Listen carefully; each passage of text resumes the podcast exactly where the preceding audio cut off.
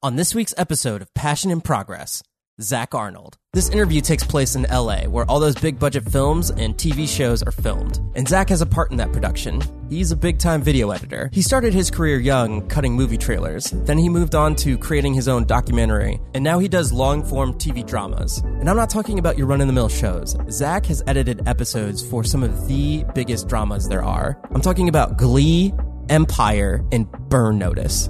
And speaking of burn notice, have you ever experienced burnout as a creative? Well, Zach's got you covered. He has a podcast called Optimize Yourself, where it talks about issues just like that, dealing with creative burnout and thriving, not only in your work environment, but in life in general. I highly recommend you checking out his podcast, and you'll see why after listening to this episode. Zach has some of the best life hack, efficiency, wisdom nuggets around. And speaking of recommending podcasts, this podcast is supported through your reviews. I am fueled by seeing those reviews on iTunes. Today's review comes from M. Javier has great energy. I've listened to every single episode. Each one is inspiring in different ways. Give it a listen. You won't be disappointed. Keep up the awesome hobby. Thank you, M. It's reviews like that that keep this podcast going and support me in this passion and progress. Please, if you enjoy the podcast and get something out of this episode, share it with a friend. Leave a review on iTunes, tweet it out, text it to your buddies. Any bit helps. Thank you again for your support. And here we go. Zach Arnold. The guy is an efficiency wisdom wizard. That's right, I said it. Let's go. What is up, Merce Nation? Javier Mercedes here for yet again another Passion in Progress podcast. And boy, oh boy, am I so excited for today. And I want to make this intro as brief as possible because the man in front of me has so much to say. And I just want to be a student of whatever he's going to say and just take in everything. Because after I listened to your podcast, Optimize Yourself, I was like, whoa, like mind blown. uh, and uh, may or may not have just like binged and listened to as many as I could get my ears around. I anticipate this being an amazing podcast. How's it going today, Zach Arnold? I'm great, thank you. Um, it was I'm just so overwhelmed by the uh, by the response and uh, like so so you're the listener that listens to all my shows. I'm very excited about that. Um, I will do my best to uh, to give you all the, the content that you desire and uh, live up to the introduction. But I'm just a mere mortal, so um, I'll share what I can. But I never consider myself an expert. I consider myself somebody that's constantly on the journey to learn more and just kind of get one percent better at everything I do every single day. So I think of myself as if I were going through the jungle of all the information and all the goals and all the things that people want to achieve. I happen to be the guy in the front with the machete, but everybody else is like right there, right behind me. So I'm not on a pedestal with everybody below me. I'm just a little bit further ahead going through all the crap, so uh, not everybody has to. Uh, that's a great analogy. I'm just going to take this straight from your IMDb uh, just to give a little introduction of who you are and then just dive in a little bit deeper on your history as a video editor. So, Zach Arnold is an award winning filmmaker and television editor, uh, documentary director, father of two, as well as a creator of Optimize Yourself where he helps ambitious creative professionals learn how to more effectively manage their time, energy, and attention so they can maximize their focus and creativity and minimize depression and burnout. I don't know if I did that as good as your intros to your podcast, but there's the spiel. That pretty much covers it. In your IMDb, it's uh, it's spectacular. It's things like Burn Notice, Empire. I saw you did an episode of Glee in there, and uh, so on and so forth. Can you tell the listeners a little brief background of how you got into video editing and just the different types, the scale of the projects that you work on. Yes, uh, it's funny that you bring up the the tail end of my IMDb resume because so many people look at it, especially the earlier parts, and they will say, "Wow, this is kind of a scattershot mess," and I have no idea how you got where you are today. So, can you explain your story? My editing story actually begins when I was about nine years old. So I was into movies. My brother, who was actually 13 years older than me, he was obsessed with movies and still is to this day. And he showed up with a VHS camcorder. So mo- most of your audience is going to have to like Google what VHS is, but just watch Saved by the Bell from the 80s. You have Zach Morris with the giant phone and the giant camera on his shoulder. So my brother brought one of those home and he said, "Let's shoot a movie around the house." I'm like, "That sounds cool." So we basically shot this 7 to 10 minute film of us running around the house shooting each other with Nintendo guns. Love it. And it took about 12 hours. And at the end of the day, I was like, my God, that sucked. We mm-hmm. were running around all day long. It was hot. It was sweaty. I didn't really understand the process. And then he showed it to me, and I'm like, that's all we have? Are you kidding me? That's ridiculous. But then, two weeks later, he showed up and he showed me what we had done, all edited together, and he scored it with the music from The Good, the Bad, and the Ugly. And I swear it was like I had seen porn for the first time. And I said, That is the coolest thing I've ever seen. You have to explain to me how you did that. And he showed me how he took a cassette deck and he ran the audio from that into a VHS player. And then he took a second VHS player and ran the video feed and he would play and record. And that was pretty much where my editing journey started at nine years old. And I did that for years. You were hooked. I was hooked from the time I was nine, pretty much until college. I was doing VHS to VHS linear editing, and then in college I discovered the Avid, and it was kind of that second moment of my life of mind completely blown, where I didn't have to pop in tapes and I could just move stuff around without constantly having to re-edit it tape to tape. And that's where I really immersed myself in the world of how editing works, learning the software, but also learning storytelling. Um, and then from there, when I came out to Los Angeles, I was an assistant editor at a small trailer production company for five months. And I basically talked myself into an editing job five months out of graduation.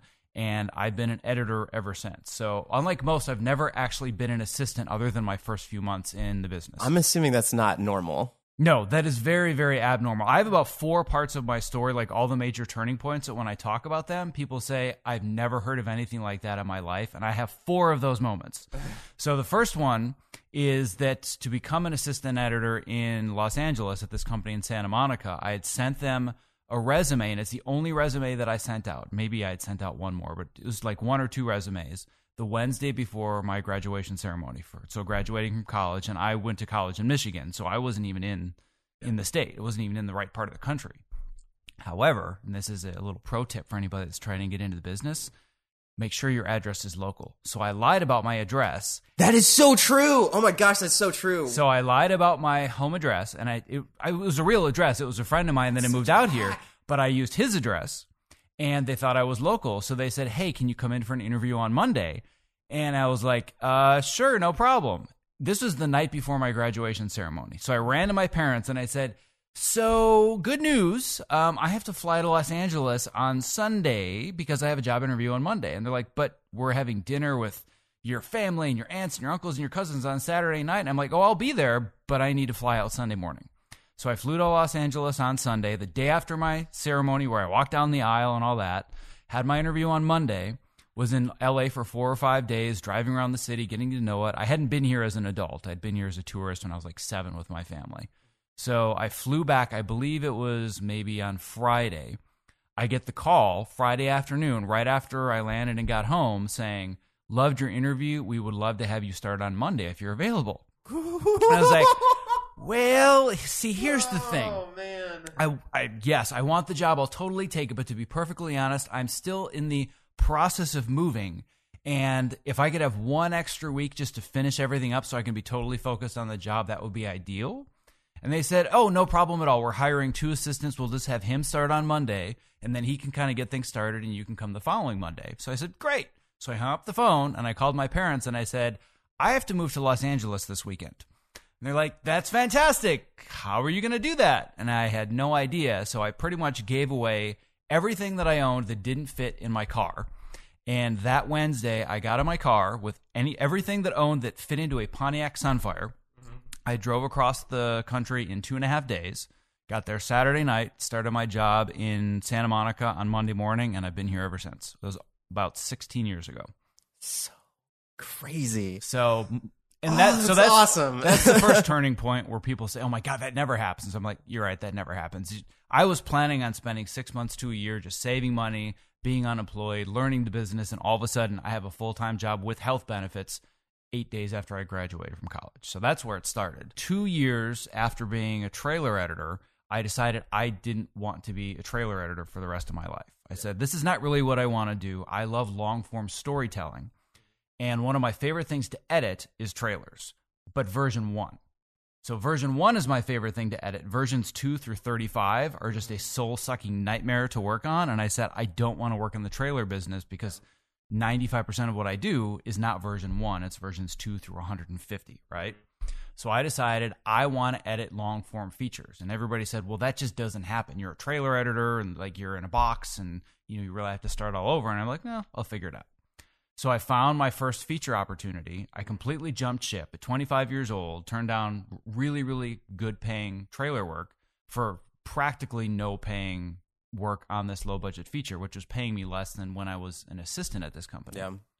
And now looking back 10, 15 years later, everybody that was in the position, like at the same trailer companies, they're saying, man, I'm still stuck here as a trailer editor, and I really wish I jumped ship like you did. Mm-hmm. Um, so the the first feature film that I actually edited ended up getting purchased by Fox Searchlight for just under five million dollars. So that was just under, just under five million dollars. And I, I- didn't get that money, but Uh, yeah, I was gonna say even back then that's probably a lot of that's a lot of money. Yes. yeah. exactly. So that was kind of my turn into long form, but then to get from that film to other fully paying feature films was several years of balancing cutting trailers to pay the bills and then cutting low or no budget feature films to build up my resume. So I Yeah. went probably another 7 or 8 years just amassing long form credits. And then just as I was kind of ready to hit the cusp of working on bigger budget features and, you know, the Fox Searchlight type movies and getting into the union, that's when the business really started to change. That's when it really became either there are movies available that their total production budget is $100,000 or $100 million. The middle There's films nothing in there. really started to disappear. And I said, if I want to do this for a living, I'm probably going to have to move to television. And creatively, what I love working on is really deep introspective character dramas. We don't have a lot of those in the feature film world anymore. So I decided, you know what? I don't want to do features. I really want to work in television. So everybody said, well, you can't transition from feature films to television. Nobody does that. You're going to get pigeonholed. And I said, well, let, let me see what I can do about that. So I just decided I wanted to work in television. And I ended up um, finding this project on Craigslist of all places that was a super low budget web series. And at the time, it was just two guys and two credit cards that had shot a couple of pilot episodes for this web series. And when I say web series, we're talking like 10 to 15 minutes an episode. Um, and they came to me with the footage and said, We really believe in this. I looked at it and I said, You guys have something here. I really saw a calling card. So I put together a trailer along with a friend of mine that helped with the trailer, and then I cut the two pilot episodes. That series ended up getting picked up by Sony, and Sony decided that they wanted to make it to be like their their big show for their Crackle platform. So I worked on that project for I don't know maybe six months, and it was paying. It didn't pay a lot. It actually ended up costing me money because I was providing a lot of facility services and, and my own assistant that I was paying. So it, it ended up costing me money to work on it. It wasn't even something I was like in the the black working on. Um, but stylistically, it was a great calling card. And I said, you know, this looks a lot like the show that I'm hearing about called Burn Notice. So, and other people were telling me that as well. So I started watching Burn Notice and I was like, huh, this is a pretty cool show. And I feel like I could actually cut this. I feel like I have the chops based on my experience. So what I did from that point is I started to Facebook stalk every single person that worked on Burn Notice. And I private messaged them the trailer for this web series. It was called The Bannon Way. And it hadn't even come out yet, but I sent them the trailer, which I also cut. And I said, listen, your show has been a huge inspiration to me. I love the way that you cut it. I'm really into television. I haven't worked in TV before. I'd love to learn more. By the way, here's the trailer for my project. Would love any feedback that you have.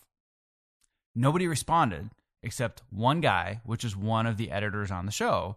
And he said, I'm kind of embarrassed, but this show looks even better than ours. I need to learn, I need to understand more about what this is. I'd love to have lunch with you. I had lunch with a guy. We totally hit it off just as people. Like we're, Yeah. we, we were just really friendly. Um, and about a month later, he came back to me and he said, Listen, I'm going to be editing a pilot for Matt Nix, who's the creator of Burn Notice, and we're going to need somebody to cover one episode of season four. Here's the deal honest truth, you're not going to get it, but I want to get you the interview. There are going to be plenty of people there that have worked on shows like 24 and Heroes and like all these like big top notch network shows and you haven't even worked in TV, but you deserve an interview, and you at least get it. You should get a chance to meet these guys because I think the work you've done is fantastic. So I simply said, "Well, I'm not just going to go in there because I feel the interview is an opportunity. I'm getting this job. I'm going to do whatever it takes to get this job." So I watched the first three seasons of the show twice, in a week. So if you do the math, that's I think it was about 48 to 50 episodes of television twice. Morning, noon, and night. I just ingested. It was like a mental digitization process of watching Burn Notice. And I went into the interview and I convinced the executive producer that nobody knows the show better than I do. I probably know the editorial style better than your editors do. Like you can hire whoever you want that has all the experience in the world that's worked on big shows. They're not going to understand your show as well as I do. And that was enough to convince them to go to the studio and the network and get me forwards for my one episode shot. I did my one episode and they saw that I knew the show and decided that they were just going to keep me on staff. And 25 episodes and four seasons later, Oh. that was Burn Notice. So oh, that's awesome, man. That's so cool. That's like uh the I did uh, an interview with the guy that is the sound designer for Squidbillies, and he he had a similar story where he was just he had a one off with one of like they were working on a completely different show. It was like a commercial for something. And then he just he he really put effort into knowing everything about what they were doing at, at Adult Swim saw the opportunity and they were like they were just like about to leave in the hallway and he came up and he was like i haven't done any of this before I, to be honest i don't even know how to mix in tape but i want to do this and so on and so forth i was uh but man that's so cool yeah. No, what I always tell people is number one, you're never going to replicate my story. Like mm-hmm. each one of those individual major turning points is very, very unique. Mm-hmm. But I don't like to share my story and discourage people to say, "Oh, that's amazing," but that's never going to happen to me, right? Yeah. It's all about the takeaways. That's what I try to do in my podcast. Is what's the takeaway? What are the action steps that anybody can follow? And what I try to teach from my story is that it's the same theme at every single step. And the theme is always whatever the opportunity, I'm getting the most out of it. So, so many people will go into working on a low budget project, for example, and they'll think, oh, well, I really feel like I'm better than this, and I should be working on stuff where I get paid more and it's a bigger budget. So I'm going to show up, but I, this isn't really the right fit for me. I've, I'm, I, I think I'm better than stuff that's like this. But that attitude is pervasive through everything they do, which is why they most likely don't move up. So it doesn't matter what the project is, I'm giving it every single thing that I have. And that just becomes a habitual mindset. So it didn't matter if I was editing local corporate videos for grocery stores in my town of 400 people when I was in high school. It didn't matter matter if I was editing somebody's wedding video in college on the side to make 100 bucks. Didn't matter if I was putting on tape labels when I was an assistant editor. Didn't matter if I was cutting really, really low budget theatrical independent trailers or working on feature films where I got paid nothing. It was always the same mentality. How can I get the best out of the opportunity that I'm given? And it was that habitual mindset over the course of a decade that got me to the point where I could walk in and, you know, get not only get the job on burn notice, but keep it. That reminds me of an uh, in one of your episodes. I believe you talk about implementing systems for for habit change. Um, can you talk about that? Yeah, so systems is a big buzzword for me. I don't know if you're uh, old enough to remember Pee Wee's Playhouse, but Pee Wee's Playhouse has the word of the day where when somebody says it, the whole playhouse goes crazy and screams. And when I hear the word systems, I hear bells and whistles. Like, ooh, systems. Um, so, yeah, t- to, to create a habit, you basically just need to have three pieces. And then there's a fourth component as well.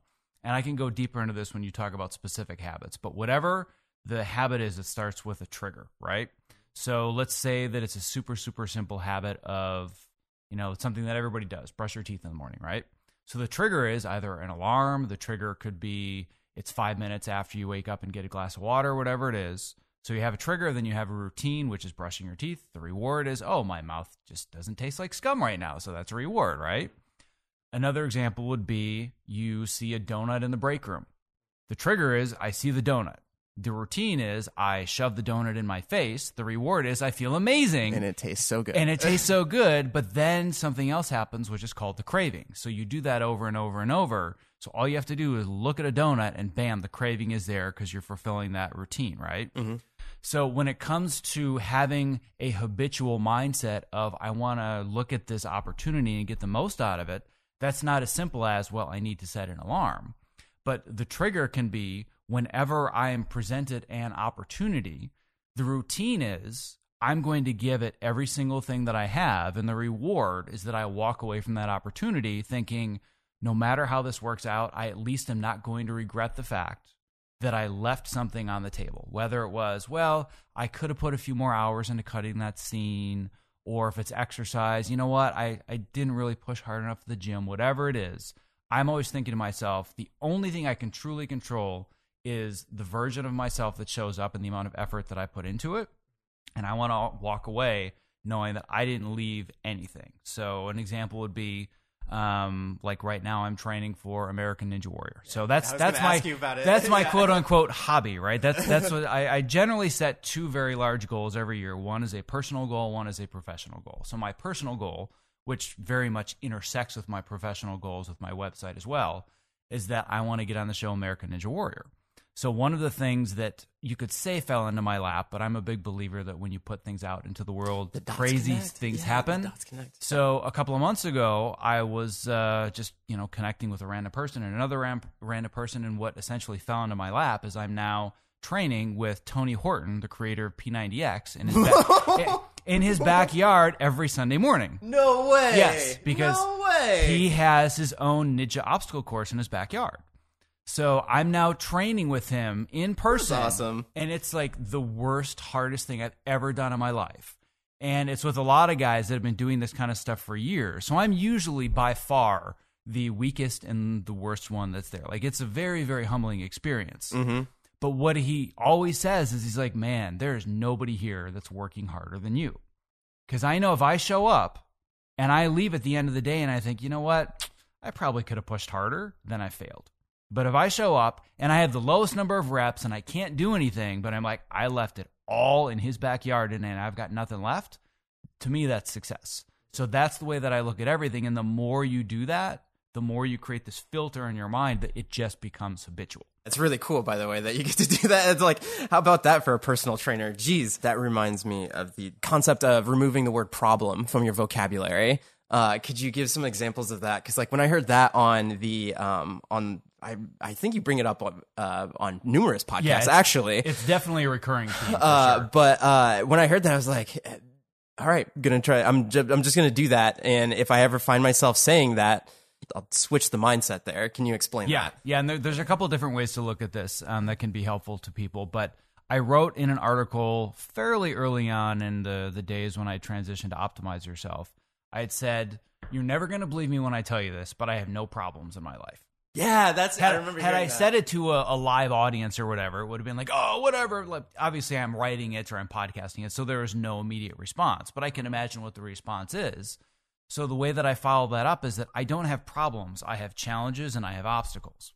And it's all about mindset. It doesn't mean that I don't have all kinds of crap in my life that I like to get rid of that's just noise or whatever it is.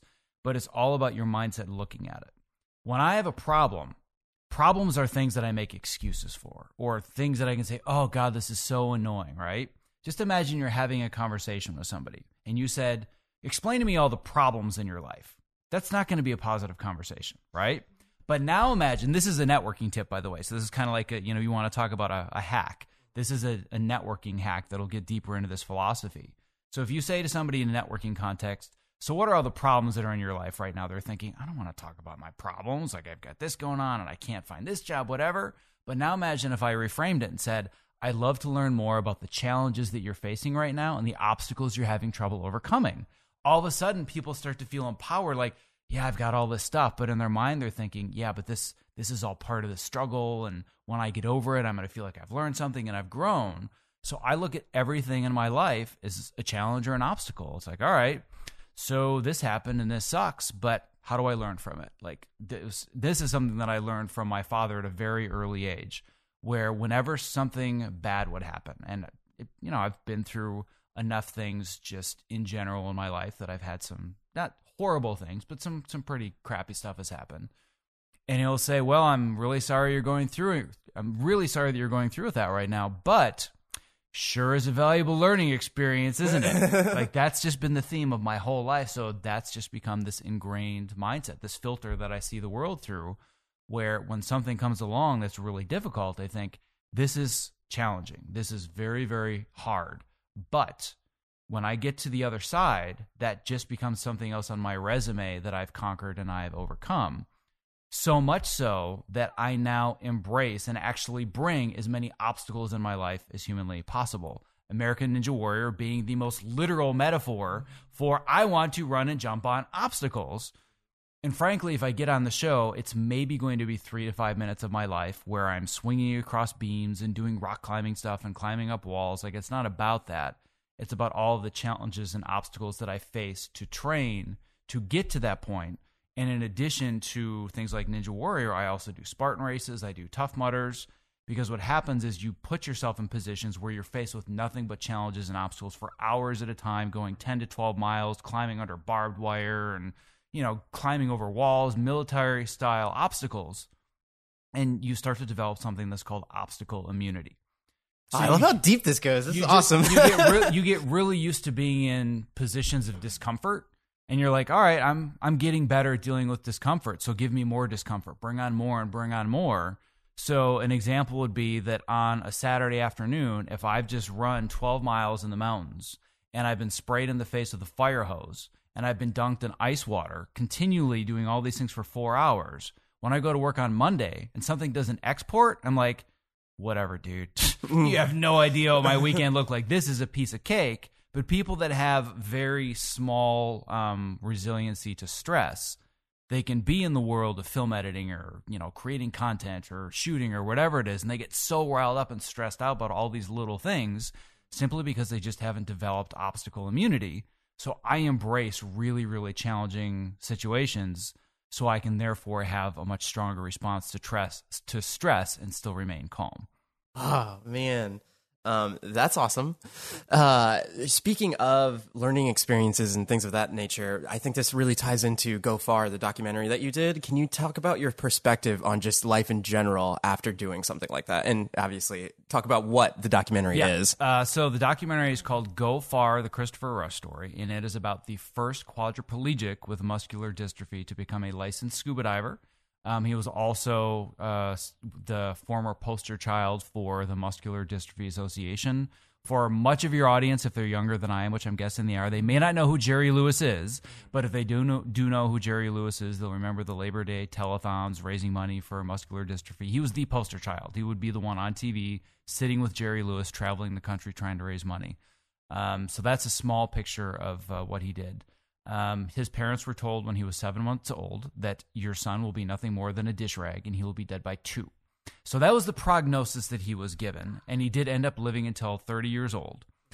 And I knew Chris as a friend of mine at the University of Michigan. He was in law school at the time, taking a sabbatical, and he took a graduate, not it was a, a high undergraduate level film production course. And he was rolled into class the first day, and everybody kind of looked around and said, uh, what is this guy doing in a film production course? Like we run around with light boxes and cameras. Like this is all this is very physical class. And there started to be whispers of people saying, God, I hope he doesn't get stuck in our group. Because mm-hmm. God, what a pain that would be, right? Like how are we going to deal with, you know, some guy in a wheelchair? And remember, he's quadriplegic. It's not somebody rolling themselves in there. He has no use, use of his limbs whatsoever. So this kind of made me angry. And I approached him after class and I said, Listen, I don't know anything about your disability. I'm not very familiar with what it's like to work with somebody with a disability, but come into my class, come into my group, and we'll figure it out as we go. That one moment, that one decision has created this alternate path for my life that has changed everything about the way that I live my life and what I do. Had I not done that, if you're thinking of like Doc McFly's alternate lines of reality from Back to the Future 2, I might be in Biff Tannen land right now. But right now, my life is completely driven by that one decision to invite him into my group. So he, we were friends for several years. In college, we did some films. He became a very good friend of mine. Um, he quote unquote stood up in my wedding. Obviously, he didn't stand up, but he was a you know a part of my wedding. He was one of my groomsmen. Um, and my wedding is actually the last time that I saw him because he passed away a couple of months later. And I'm sitting in the church during his funeral, and people started talking about all the things he had accomplished in his life, most of which I knew nothing about because he was just a guy with a good sense of humor that was hardworking. So that's when I learned about the scuba diving, and that's when I learned about being a poster child with Jerry Lewis and all these other things he had accomplished. And somebody else stood up and started talking about this motivational program that he had just started developing called Go Far, which is a five step acronym that stood for goals, obstacles, focus, act, and review. And I swear at that moment, a lightning bolt struck me right in the head. And I said, Oh my God, this is a film. The story can't end in this church this day. And I kind of sat there and I was like, Oh, so I'm going to be the one to do this. okay. And that was the beginning of that journey. And it took about eight years from that moment to the point where I had finished the film, had done the festival circuit. It's now available on Apple and Amazon and Google Play and Roku and Xbox. Like anywhere digitally that you can see a film minus Netflix, you can pretty much get a copy of it and rent it for like 99 cents. Um, but I took that story and that framework and have applied it to all the work that I'm doing in Optimize Yourself and in my program as well. So that's kind of the genesis of where Go Far and where the documentary came from. So cool. Uh, I, I, I think a through line through listening to your podcast and um, what you talk about is as opposed to asking yourself what and how in any situation, it's more about the why. Can you explain that and uh, kind of relate it? Because like the, when I heard it the first time, I believe it was via Rockstar editors versus um, good editors. But I think you bring it up in some way, shape, or form throughout most of your podcasts, asking why you're, what's the purpose of something. Can you talk about that? Yeah, why is a huge theme in all the work that I do and has been for years. Um, it originally was something that was more intuitive that I didn't really seem to understand. Like I just I, when I was an editor, even just editing stuff when I was younger, it was like I would have conversations with directors or producers and trying to figure out the notes that they wanted or the stories they wanted to tell. And they would say, well, you know, we want to move this four frames that way or add this shot or that shot. I'm like, yeah, but why do you want to do that? And I would annoy them because sometimes they wouldn't understand. And I'm like, listen, this isn't about moving the, the cut four frames. It's about the effect that it has on the audience and why you think that's an important choice. So even when I was much younger, learning the process of editing or learning the software, or for example, teaching at USC, I would always say, I don't care how to push buttons. I don't care what buttons to press. I care why I'm pressing each button and how that affects the story. So that's been a theme in my life for years and years and years without me really being able to articulate it. And then about three or four years ago, I was reading Tony Horton's book, and this is the beginning of the Tony Horton. So that that, could be a podcast in and of itself. That whole through line, um, but through a random through a random connection, um, when I just started my first podcast, Fitness in Post, which was very geared just towards better health for film editors, and now Optimize Yourself is a much broader um, extension of that. Um, but just somebody said, "Oh, you know what? Yeah, I, I know Tony Horton's manager. I'd cut some video for her." I'm like, nonchalant. Yeah, like okay. So they hooked me up, and I read his book, and he talks about like Tony says, my purpose is to help people find their purpose, and he talks about this thing called Y stacks. So whenever there's something that you want to achieve, whether it is a four frame edit, or you want to lose weight, or you want to tell good stories, or you want to get more YouTube subscribers, whatever it is well, why do I want to do that? Well, because it'll make me more money or I'll look better or whatever it is. Great. But why is that thing important? And you as you start to peel the layer of the onion, you get to these much deeper emotional reasons why doing something is important. So, for example, um, when I look at the the current journey that I'm on, which is easily the hardest thing I've ever done in my life, training for American Ninja Warrior, I'm doing it more for the metaphor than anything. The teaching metaphor is the one of the bigger reasons why I'm doing it but it forces me every day to learn more and more about these systems or these habits that I'm creating. So, all right, I want to be on American Ninja Warrior. Great. Well, what's so important about doing that? Well, gets me on TV and it gets exposure and I get to be a fancy celebrity, right? Okay, so that could be one reason why. All right, but why would that be important? Well, because it means that I could bring more exposure to the work that I've done with Go Far and with Christopher Rush and you know, working with people that have disabilities and helping people understand that we all have disabilities and we can all overcome them. Well, great. Well, why is that important? Because doing that can force somebody to look inside themselves and say, you know what? Maybe I need to push myself a little bit more outside my comfort zone. Because if I do that, then I realize there are capabilities inside I didn't see. And now I can actually reach a much greater potential because of that realization. So, my deeper why is that I push myself outside of my comfort zone to inspire people to do the same for themselves so they can reach their fullest potential. The reason why that's so important is that when I go to Tony Horton's at 9 a.m. on Sunday and I get my ass kicked for four hours, if the reason I want to be on American Ninja Warrior is because it would be cool and I get to look like a celebrity, I would quit. It is way too hard. Like, there are so many things I have to cut out of my diet that I have to be careful with. There's so much time that I lose seeing my kids, seeing my family. There are choices I have to make about the types of jobs that I can take because I need the time to train. That if it were about the what, I would quit. And that's the same with any difficult goal. If you don't understand the deeper emotional reason why it's so important, and more importantly, not only how it affects you, but how it affects other people, then you're going to quit. But if you have a why that is so solid, you have this foundation under your goal that even though you might stumble, it's always a very, very clear goal and you're motivated to work towards it because there's a deeper emotional why. That's the big reason why I'm, I'm so focused on talking about that as opposed to just the superficial stuff. Yeah, I think two things. I love how one hearing you on your podcast and then actually meeting you in person in this podcast, but the intention behind what you're saying. You can feel that you're saying it and it will be true. That that whole thing. And two, uh, you are putting pen to paper and you're physically showing people that you're practicing what you preach, and uh, that's it's it's really cool to see. Uh, once it will happen, then it just gives so much more gusto to what you're saying. Yeah, and, and, and when it, like for example, when it comes to if somebody's trying to build a YouTube channel or trying to build an online business or a podcast or whatever Mhm. it is, it even applies to that. So if you're saying, "Man, God, how cool would it be to have a YouTube channel with 100,000 subscribers? I could totally live off of that. I could totally monetize that and live off of it, right? Yeah. So that's great, but why? Well, because if I didn't, that I'd, I'd have some more money. Okay, great. Why is having that money and that monetization and the income from the YouTube channel important? Well, it would mean that I would be more inspired by my work and I wouldn't have to have this nine to five that totally sucks editing, you know, corporate car commercials or whatever the job might be, right? There are so many people that probably have some form of job where they're making an income, but they're dissatisfied and they're not inspired to do the work. So they say, I want to, you know, create the YouTube channel, for example. All right, great.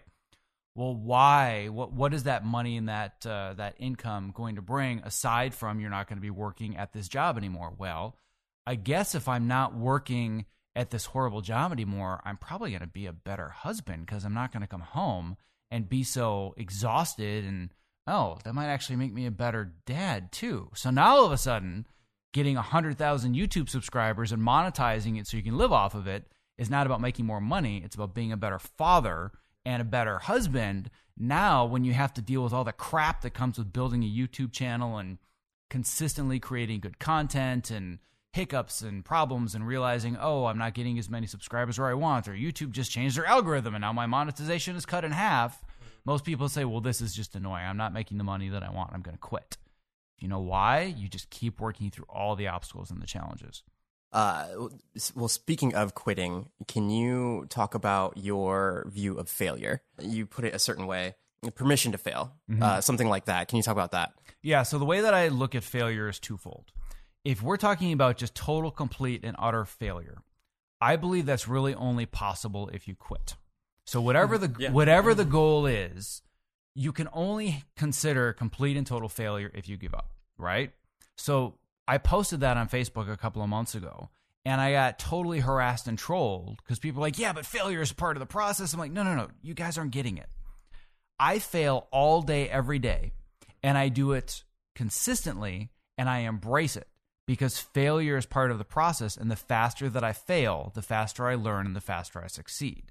There's a big difference between failing on an individual, you know, like one action at a time or one lesson at a time versus complete and total failure.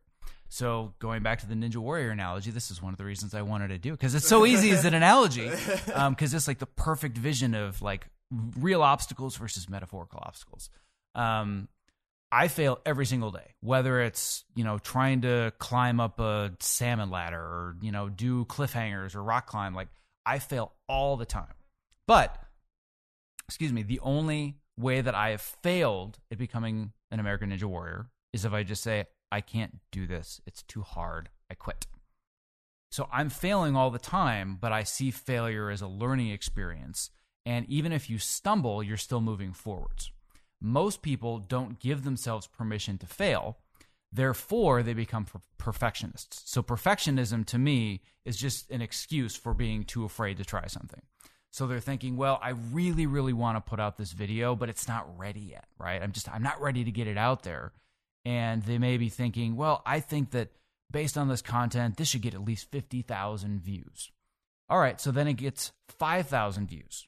Well, you can either say, well, I can't do another video until it's perfect and I know I can get it. Or you can say, all right, so that sucked. So I totally expected that to get 50,000 views and it didn't. Let's figure out why. Let's learn from it, right? All right, so it didn't get it because, well, I can see that it didn't resonate with my audience the way that I thought, thought it should, or maybe the intro wasn't very good or could have used better music. All of these things you learn from embracing that failure and giving yourself the permission to fail is going to make you better and stronger at what you do, as opposed to the perfectionism that holds so many people back and they're thinking, well, this isn't ready to put out into the world yet, whether it is a piece of content or it's a goal, whatever it is. I'm just not quite ready yet. So one concept that um, I'm probably going to be writing about fairly, uh, uh, fairly, pretty close in the future, um, and this is not my concept. I'm stealing this from the uh, the creator of the Spartan Race. It's this idea of everybody's looking at their life with the framework of ready, aim, fire. First, I have to get ready to do something then I'm going to aim and make sure it's perfect and I hit it exactly where it needs to go. And then I'm going to pull the trigger and I'm going to fire. And the Spartan philosophy, which is also the one I've adopted, is fire, aim, ready. Just shoot, just do it, right? You're definitely going to miss the target the first time because you haven't even aimed yet. But then you shoot and you're like, all right, well, let me understand why I missed.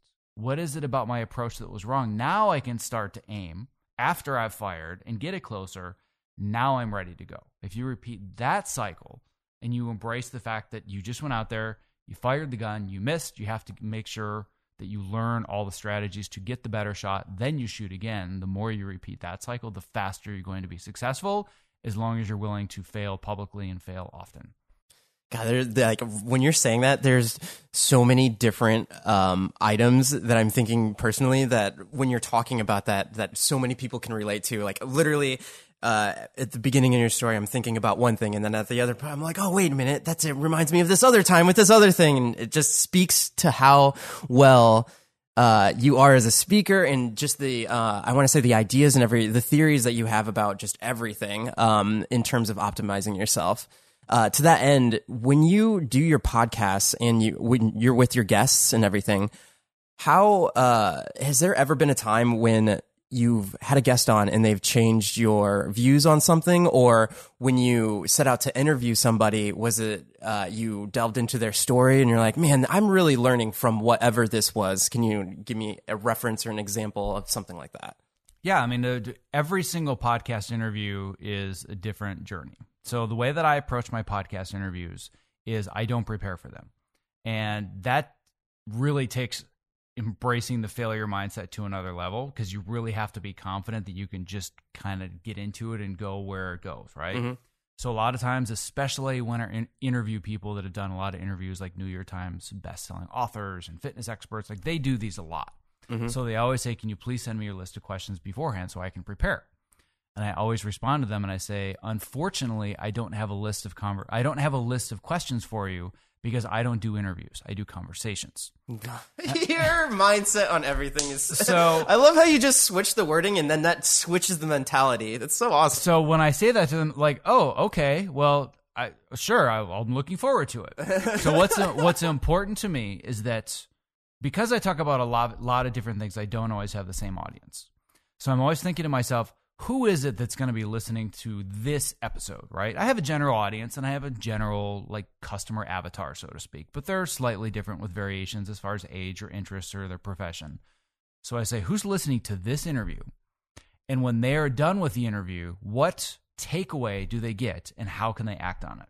So I've listened to so many interviews where it's like, oh, that was cool. And it was like listening to people talk at the bar, but so what? But why? That did nothing for my life other than take an hour away from it and entertain me. And there's nothing wrong with those, but I don't want entertainment. I want something that's going to inspire me to be done with it and say, man, I got to go to this website and look up this one product, or I need to try this thing at the next networking event, or whatever it is.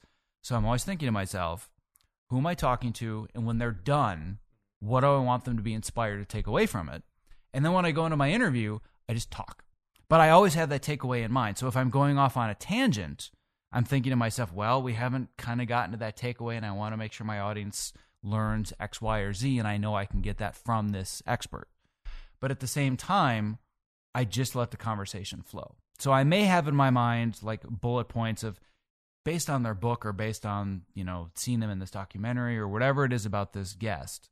What do I want people to learn? Great. So they've learned this, but I can just take the story where I wanted to and let the the interviewer speak. That's one of the things that drives me crazy with a lot of podcasters, even some of the really successful ones. You can tell they're reading from questions. So somebody gets finished with a question, or uh, uh, the guest is finished answering the question, and all of a sudden they're like, "Wow, that was such an amazing story!" But now I want to change the subject to something completely different that has nothing to do than that amazing story you just finished. And the audience is like oh, but i wanted to know more. Like Mhm. why did you why did you do this this horrible transition? So i just want to have a conversation and i want to keep it within the general confines of the takeaway but i still want that this is their time to share their stories. It's not my time to have them meet my agenda. So when i first started podcasting i did do questions because i just wasn't confident in myself and i listened to those and i cringe i'm like oh my god these interviews just they stink there's no flow to them. And like what i'm told by most of the people that i interview when we're done is like man that just totally flew. I feel like we just started and i just got into the flow. And like that was just one of the most relaxed podcasts i've ever done. I'm like that's all by design. That's exactly why i do it that way because i want you to feel comfortable. And usually you get into this flow where you get so much more good stuff that isn't just the talking points that that person would have had prepared otherwise I think in doing this journey, just starting my podcast, what I really enjoy uh, is, like you were saying earlier, uh, like just putting yourself out there, and instead of um, aiming and uh, shooting, then just I didn't really have an idea of like, oh, I know I want to go and I want to stress myself to like meet these new people. Now I'm like in the middle of LA and uh like tomorrow I'll be like in Hollywood and it was like it was weird to say like in an email like, oh, sorry, I have like a podcast like in Hollywood. And I, like to me and uh, taking a step back perspective wise, I was like, man, if you would have asked me like three months ago if I was writing that sentence, I would have been like, "Who is this guy?" But now, now, uh, in terms of, I think I, I just brought this up on a podcast I just recorded. Um, cognizantly, it puts my brain in so many different other places to stretch myself to like learn and do other things, and then accentuate the things that I'm already good at. So when I was listening to your podcast, what I loved about it is the people are talking. Whenever they're talking, there's never any uh huh yeah or what in between there. You they they say their things and then it's done. Um, and then the other thing that I, I love about your podcast is when it, your time is to speak, you also provide value in whatever that segment is of your section. It's not like a co-host um go or a host going on the back end of what somebody already said and uh, doing something like that. Right. Yeah. So uh, I'll give you two additional hacks for anybody that's listening This either does interviews or podcasts or whatever it is. The first of which is very deliberate. I mute my microphone while the other person is speaking. And I do that for two reasons. One of which we talked about a little bit beforehand. It's because when I'm podcasting, I am actually standing, I'm jumping on a trampoline, I'm swinging a kettlebell, I'm doing whatever I can to just stay really active and engaged. So I can even feel my energy is different because we're doing a seated podcast versus how I usually do it. Not that that's a bad thing. This that's not my style. But the reason that I also mute my microphone is that I don't have the uh huh, uh huh, oh, that's great, that's great.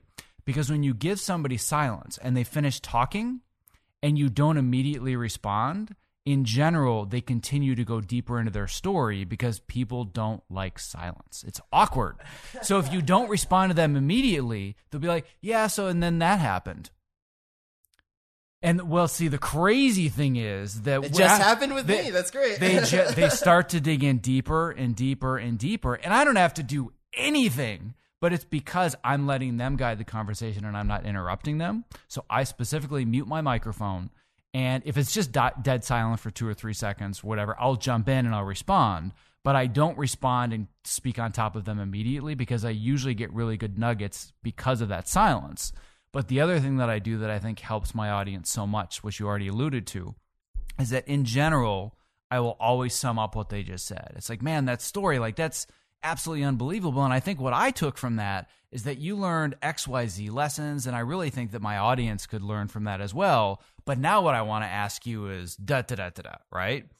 So the the segue, as opposed to, and I hear this on a lot of podcasts, especially the ones that I know have like hundreds of thousands of, of listeners, and it just makes me cringe. They'll be like, "Uh huh, uh huh, that was interesting." Okay, so now what I want to talk about, I'm like, you mi- such a missed opportunity to really help the audience become more deeply engaged and understand what the takeaways are, rather than just, "Yeah, uh huh, uh huh, yeah, that was it, that was great, that's that's awesome." All right, so now I want to talk about this. And the reason that I do those those little summaries is because I, I know, like I said, I know the takeaway that I want my audience to have. I have no questions prepared. But if I'm very slowly summing up each and every little tidbit nugget, when it comes to the end, it's like, bam, now I can bring all those together. Even if it's not exactly what I thought would come from it, I'm always slowly directing the ship towards where I want it to go, even if it's going in different directions. So that's that's a couple of additional interview Tid- tidbits. tidbits. Yes. Two things on that. Um, one, I think in order for that to be effective, you have to have life experiences. Like you have to, in in your case, you're going out and you're pursuing things that challenge yourself, so you can relate to a lot of what people are talking about, which can really help. And what I was going to ask was, how long did it take you to get to that point? Because you said you had uh, questions at the beginning. When did you kind of go off and do your own thing and just be like, I want to approach this this way? And second thing, I think that's also plays in mind to your efficiency mm-hmm. in terms of how much time you're spending Yes. preparing for Sure. podcasts. So I can tell you definitively when it was. It was episode 18 of my first podcast. I can't wait. the reason is, and you're going to see a thread here. Episode 17 of my first podcast was with Tony Horton. and I'm just gonna call this the not Tony Horton, but right? kind of Tony Horton. And guess what I did for my first interview with Tony Horton? I had a list of very immaculately prepared questions. And I went through that interview and it was very flat and it was I wouldn't say I'm embarrassed to listen to it now, but I've gone back and I've listened to it since and it just is so low energy and the there's I just didn't have these effortless transitions and it really felt like an interview and not a conversation mm-hmm. And it's because I was so nervous. Like the thought of, and it was an in person interview with him, which I rarely do, but he requested that I do in person. So I was in person sitting across from this guy that has been a mentor and a hero of mine for years. And I was nervous out of my mind. And I just, I have to be uber prepared. I have to be ready for it. And I just felt sick afterwards. Like, God, that interview just sucked. Like, it could have been so much better. Why did it go that way? And I thought, you know what? It's because I was over prepared. I'd read his book and I'd taken notes and I had pages and pages of notes and like 20 questions in the specific order that I wanted to run them through. And he just talks. He just goes, man. And that's when I learned, you know what? I have to take a different approach to this. Because number one, speaking to the efficiency part, I spent days preparing for a one hour interview. And when I first started podcasting, probably the first five or six months, it consumed my entire life. It was at least 20 hours or more a week for one episode. And I believe in consistency. I believe that if I'm going to have something that releases, whether, you know, whatever kind of content, whether it's writing or whatever, I want to do it consistently. I don't want to be somebody that has this great podcast three times every four months. I want them to know when they wake up on Thursday morning in their podcast player, they have new content for me. It just becomes this habitual thing. And I couldn't meet that. And I thought, why are my interviews not really flowing and why is this so hard? Oh, it's because I'm spending so much time preparing. So, how can I make them better with less time? And that's when it kind of dawned on me that I just need to jump in the deep end of the pool and just talk to them. And I need to I need to know who I'm talking to. I Fire, aim, shoot. yeah, like fire aim ready, right? Oh, sorry. So it, and it, it took some time to do that, but once I embraced that, the learning curve grew very, very quickly because I was fully committed to doing it that way. I just had to learn how. And then I realized I have to build a lot more efficiencies into my workflow. So I don't spend all this time not only preparing, but doing the work afterwards. So I've gotten myself to the point now where whatever any given episode is of the podcast, it probably takes me between 90 minutes and two hours total. So that includes the one hour interview. Jesus. So That's amazing. if I mean, if we're talking about preparation, like if I have a, a New York Times bestselling author, I'm gonna read their book. But in all honesty, I usually use Audible and I listen to stuff um, because I find that it takes me longer to read stuff, and uh, I won't go into it too much, but I talked about my history of like adult onset ADD and I actually have a fairly difficult time sitting down and reading, but I'm really good at listening. So I'll either listen to something in the car or I'll take walks. And these are things I would be doing anyway. I'm always going to be in the car commuting and I'm always going to take morning and afternoon walks. So I use that to learn. So to me, that's not really preparation time.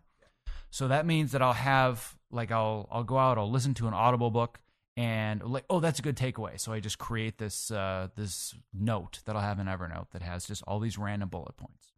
So I know the general takeaway. I have a bunch of random tidbits that I pulled from listening to it. And I have an automatic scheduler. So if I say, I want this person to be on the podcast, I send them a link and say, choose whatever time works in your scheduler, in my scheduler, and just pick the best time so that we don't have to email back and forth nine times. So they click on it. I have an automated zap that's created between my scheduler and Zapier and Trello. So a Trello card automatically pops up on the board with a time. It shows up on my calendar. So I just wake up. I'm like, oh, look at that. I've got a podcast with Jim today, right? So I jump on the podcast. I have this note. Here are all the bullet points that, oh, yeah, I remember reading that a month ago. Yeah, sure. That's a good, that's a good takeaway. All right. So I just talk to the guy for an hour. I drop that file into a folder. That folder is attached to a Trello card. The Trello card has 97 check, check marks on it that is subdivided by my crew. And just, it's this automated system that starts to take off. And from the point that I record it to the point that it airs and there are show notes that are written and attached for it, all I've had to do is look at the finished show notes, make sure that the links work, and I click the approve button. So for any given podcast episode, it's about 90 minutes total between the hour of recording and the half hour of approval afterwards. Now, but obviously not by myself. I have an editor. That's what I, I was going to say. I have too. somebody that Yeah. publishes. So, Yeah. I, but I specifically said I can make two choices. I can either, again, this is the choice of being perfect or being good enough. I don't have a lot of experience doing specifically audio editing, but granted, I have enough experience editing that you know I could I could very clearly cut the podcast myself. But I know that to do that would take away so much time and energy from other things that I could do with my business instead. So I have a podcast editor. And I also know that once I came up with a formula for writing my show notes and I found a voice and I knew this is my template every week, well, that's stupid for me to keep doing that by myself. If I can delegate that to somebody and those two hours are now mine to continue doing things that only I can do in my business, that helps me grow rather than just constantly feel like I'm feeding the hamster wheel. So I had to do all of it at first. As soon as I figured out this is how I can teach somebody else to do it the way that I prefer, I hand it to them. So that's why I don't do anything with a podcast other than record the interview and double check and make sure that everything looks good when it goes live. But that's it. My head is is mind blown emoji right now, especially from editing. Well, I guess with the Chive podcast, I was the one on the back end editing it. Uh, but just the fact in the the ballsy maneuver of I what I was going to ask is so. And I'm glad you brought it up the the book thing. It's like, well, if they are an authority or somebody that knows a lot about some subject, obviously you have to know something about like, all right, if they wrote a book, if they were in a movie, and then you said like, oh, I watched this documentary, I did this thing. So um, I think that's like listening to your podcast, going through. That's like just writing, j- jotting down the little concepts that I that I like latched onto. Um, that's what I like. Uh, one of the things that I always like to ask everybody at the end of the podcast is if somebody was to pursue and get to the point like where you're at right now, either in video editing, pursuing podcasts and things of that nature, what would you tell them uh, to like if say they were just graduating or something like that? What would you tell them to set them up for success? Um, I don't know if I could tell them just one thing. It's funny because being an editor, brevity is not one of my strong suits. Yeah, yeah. Um, but I would say the one of the things that we've already talked about at length that I won't go uh, too much more into. You need to understand why doing this thing is important to you. But I think the other part of that and the reason why the why is so important is you need to be willing to embrace the process. So what I mean by that is, and I've fallen prey to this as well. When somebody comes out of school, for example, if they say they want to be a famous film editor, right? They'll look at somebody like Billy Goldenberg or Pietro Scalia or Michael Kahn and say, "Oh my God, this is so what I want to be someday. I want to win an Oscar for editing a, a Oscar-winning drama." Right? Well, great. Do you know what that actually looks like every single day for the next 30 years of your life? And if you do know what that looks like, are you willing to embrace the process? Because if all you want is the reward and the result, you're most likely never going to survive. So, as an editor, if you live to be inside of a dark room for 12 to 16 hours a day and edit in a timeline and play with little colored blocks to make people feel something, you can make it. But if you don't like being in dark rooms and you can't stand not having a window and you really like to be active all day long, but it sure would be cool to win an Oscar for film editing, good luck. It's not going to happen. You have to be willing to embrace the process and understand this is what my life is going to look like for X amount of time to reach the goal. Am I willing to allow my life to look like this for that period of time? So that's always the first question that I ask when I'm looking at any large goal. Again, going back to Ninja Warrior, it's like, sure would be cool to be on American Ninja Warrior and have millions of people hear about my documentary and inspire them. What is that actually going to look like every day of my life for the next one to two years? All right. Am I willing to live that way? And then I'm like, yep, I'm willing to do it. So I took off. But there, if I'm not willing to embrace the process, I'm never going to get the results. That makes me think about everybody that is behind Ninja Warrior. Like every single contestant, if everyone has just as like an interesting story as yours, uh, and how much all of those people are putting into it. Ah, oh, it's so good. It's so crazy.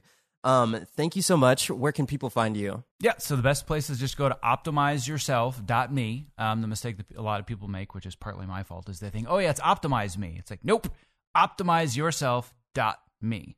Um, the other place that they can go as well that might be super helpful for them is I created this gigantic 50 page ultimate guide that is the ultimate guide to optimizing your creativity. So it talks about all these different areas, whether it's more movement throughout the day, how you can maximize the types of foods you eat to generate more creativity and eliminate brain fog and lethargy. And it's not about calories, it's not about weight loss, it's specifically about cognitive function it talks about how to get better sleep. It talks about all kinds of different apps and hacks that I use to manage my calendar, manage my time, be more productive. All of it packed in this 50 page PDF, which is totally free. And they can go to optimizeyourself.me slash ultimate guide to download that.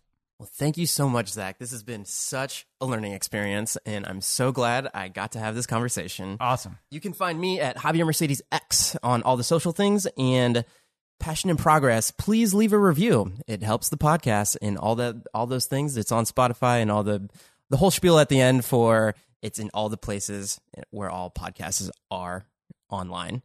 Thank you so much, and I will see you guys on the next one. Bye.